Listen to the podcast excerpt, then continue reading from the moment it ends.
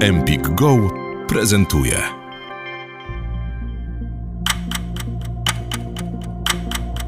Mamy coraz mniej czasu, żeby uratować naszą planetę. Z jednej strony zmiany klimatu, kataklizmy i wymierające gatunki.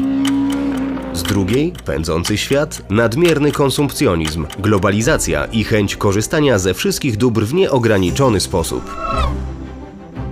Jak to pogodzić? Jak bardzo musimy zmienić swoje życie? Czy mamy szansę zatrzymać proces degradacji planety? Między innymi na te pytania razem ze swoimi gośćmi postarają się odpowiedzieć. Anna Pięta, aktywistka, podcasterka, ekspertka do spraw zrównoważenia w modzie. Areta Szpura, aktywistka ekologiczna, propagatorka ruchu Less Waste. Areta, jesteś mieszczuchem czy wieśniakiem? Gdzie ty mieszkasz? Jeszcze nie tak dawno temu Seska Kępa, na której mieszkam, była bardziej wsią niż miastem. I okazuje się, czego zaraz dowiemy się w naszej rozmowie, że nawet zdajemy sobie sprawy czasami, na jakim terenie do końca mieszkamy i jak te nazwy są oldschoolowe i już nie pasują do czasów i miejsca, w którym żyjemy.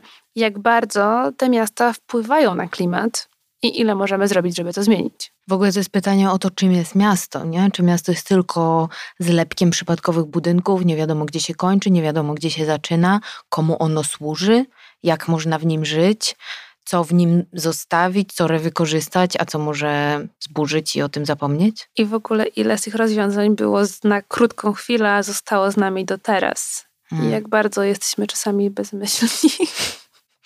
jak żyć w ogóle w mieście też latem i zimą, tak żeby z niego cały czas korzystać, a nie po prostu w takiej najgorszej pogodzie się po prostu zamknąć w swojej kapsułce domowej i prawie z niego nie wychodzić. Jak żyć w miastach takich popandemicznych, jak je zmienić, komu one powinny służyć, do czego one powinny służyć, jakie w ogóle mają funkcje. Strasznie dużo pytań. Czyli jak miasta mogą ratować świat? W dzisiejszym odcinku. Jak uratować świat 2.0?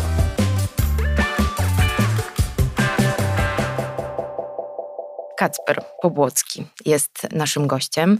Kacper jest autorem książki o kapitalizmie, ale ma jeszcze pewnie wiele innych funkcji i chciałabym, żeby powiedział, czym aktualnie się zajmuje. Cześć Kacper. Cześć. Zajmuję się rekrutacją na nowe studia na Uniwersytecie Warszawskim, studia miejskie, które zostały zorganizowane przez pięć e, jednostek, więc to są studia ogólnouniwersyteckie, interdyscyplinarne, magisterskie, dwuletnie, dzienne i pierwsze w Polsce.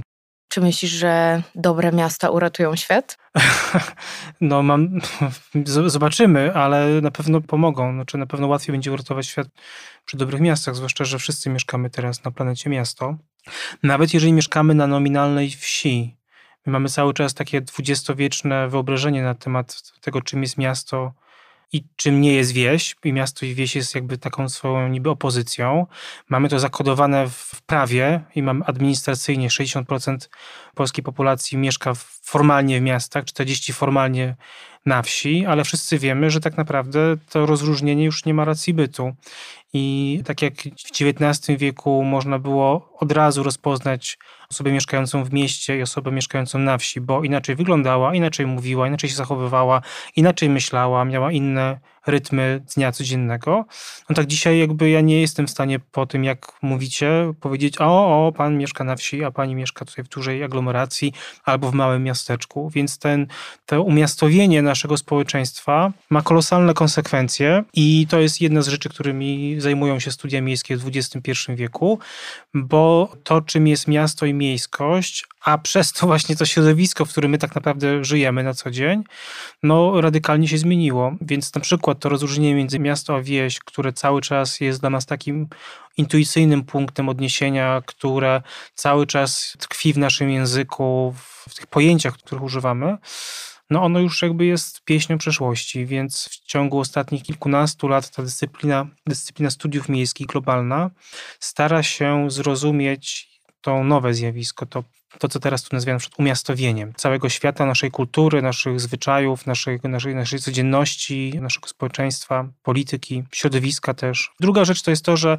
właśnie to nasze rozróżnienie na miasto i wieś jest takim okcydentalnym przeżytkiem, to znaczy w czasie, kiedy te pojęcia jakby się wykluwały, to epicentrum urbanizacji było w zachodzie i tym takim stereotypowym obrazem miasta i miejskości to jest albo XIX-wieczny Paryż, albo XX-wieczny Nowy Jork. No więc to totalne, globalne, planetarne umiastowienie jest ciągnięte przez globalne południe, przez Chiny, Indie, Egipt, a w zasadzie Kair, a w zasadzie Egipt jest trzecim co do wielkości miastem na świecie, jeżeli spojrzymy na to pod innym kątem, inaczej to sobie troszeczkę zdefiniujemy. Więc takie miasta bardziej jak Karachi, Lagos, Meksyk są tymi pieśniami przyszłości. No więc tak, miejmy nadzieję, że, że, że, że będziemy żyć w troszkę lepszych miastach niż dzisiaj i na pewno taki bardziej zrównoważony model urbanizacji będzie, jest warunkiem koniecznym tego, żeby uratować tę planetę. Nie jest wystarczający, na pewno jest konieczny. To może zanim przejdziemy do rozwiązań, które oczywiście są najbardziej interesujące i potrzebne, powiedzmy trochę, dlaczego w ogóle te miasta są problemem i, i jakby dlaczego musimy je zmienić. Ale w jakim, w jakim sensie są dla Ciebie problemem? Dla klimatu, w sensie jakby dla co klimatu, jest, okay. tak, co jest nie tak w miastach, które mamy obecnie. Problem polega na tym, że ten model życia, który upowszechnił się w ciągu kilku ostatnich dekad tak naprawdę, był modelem wymyślonym jako wyjątek, a nie jako reguła w skali globalnej. Samochód jest świetnym tego przykładem. Tak? Samochód został wymyślony jako zabawka ludzi bardzo bogatych, żeby mogli sobie z miasta wyjechać na plażę albo do swojego domu na wsi. Nikt nigdy nie myślał o tym, żeby samochód stał się podstawowym środkiem transportu. Stał się podstawowym środkiem transportu z bardzo oczywistych względów, że stał się obiektem aspiracji, tak? że wszyscy chcieli być jak ten książę, który wyjeżdża sobie na swoim wspaniałym samochodem do swojego domku na wsi. No więc skala tego zjawiska sprawiła, że jakby natura samochodu i to, czym on tak naprawdę jest, zmieniło się nie do poznania. Tak? No więc mamy tutaj do czynienia z jakby zglobalizowaniem pewnego modelu, który przez bardzo długi czas był wyjątkiem. No i to jest transport, to jest jakby jeden z tych przykładów. Możemy tak naprawdę na każdej jakby sferze ludzkiej aktywności w mieście to pokazać, czyli ten model powiedzmy zachodni, nazwijmy go zachodnim, ten model konsumpcyjny. Samochód jest ikoną tego. Plastik, no jakby wszystkie, wszystko co znamy, jakby to całe społeczeństwo konsumpcyjne, którego ikoną są właśnie lata 50. w Stanach, powiedzmy, ten taki, ten sitcom suburbs, tak, te sitcomowe przedmieścia, no to miał być wyjątek i to był przez długi czas wyjątek. Dopiero jak on został, ten model został przejęty i zglobalizowany, odtworzony w skali zupełnie większej przez kraje globalnego południa, to nagle okazało się, że to jest nie do utrzymania w skali globalnej. Czyli będzie, w którym kraje dekolonizujące się, w tym szerokim tego słowa znaczeniu, czyli też Chiny na przykład, zaczęły przejmować tego rodzaju rozwiązania i odtwarzać je w skali o wiele większej niż to było wcześniej, no to nagle okazało się, że mamy globalny problem. Więc tutaj mamy do czynienia, tym zadaniem, które przed nami stoi, to jest odkręcenie tego modelu, który ma troszkę lat, on pojawił się, narodził się w świecie zupełnie innym niż tym, w którym my żyjemy, a on zupełnie szedł pod strzechy, to znaczy mamy bardzo dużo nawyków, które z nim się wiążą.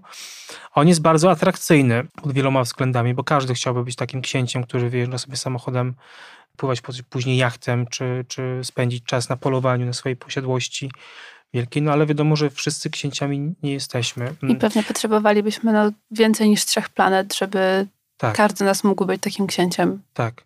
Więc, więc to już wiemy. Wiemy, że to nie działa. I pytanie teraz jakby, jak sobie to wszystko przemodelować, żeby to działało. To jest pytanie bardzo trudne i nie ma na to jednej odpowiedzi.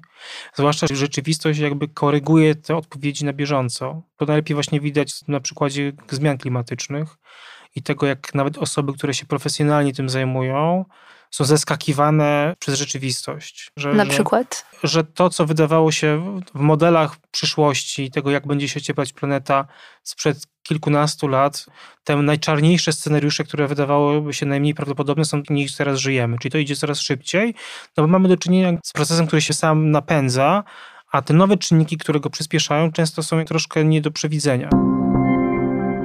Wysłuchałeś fragmentu odcinka podcastu Empik Go.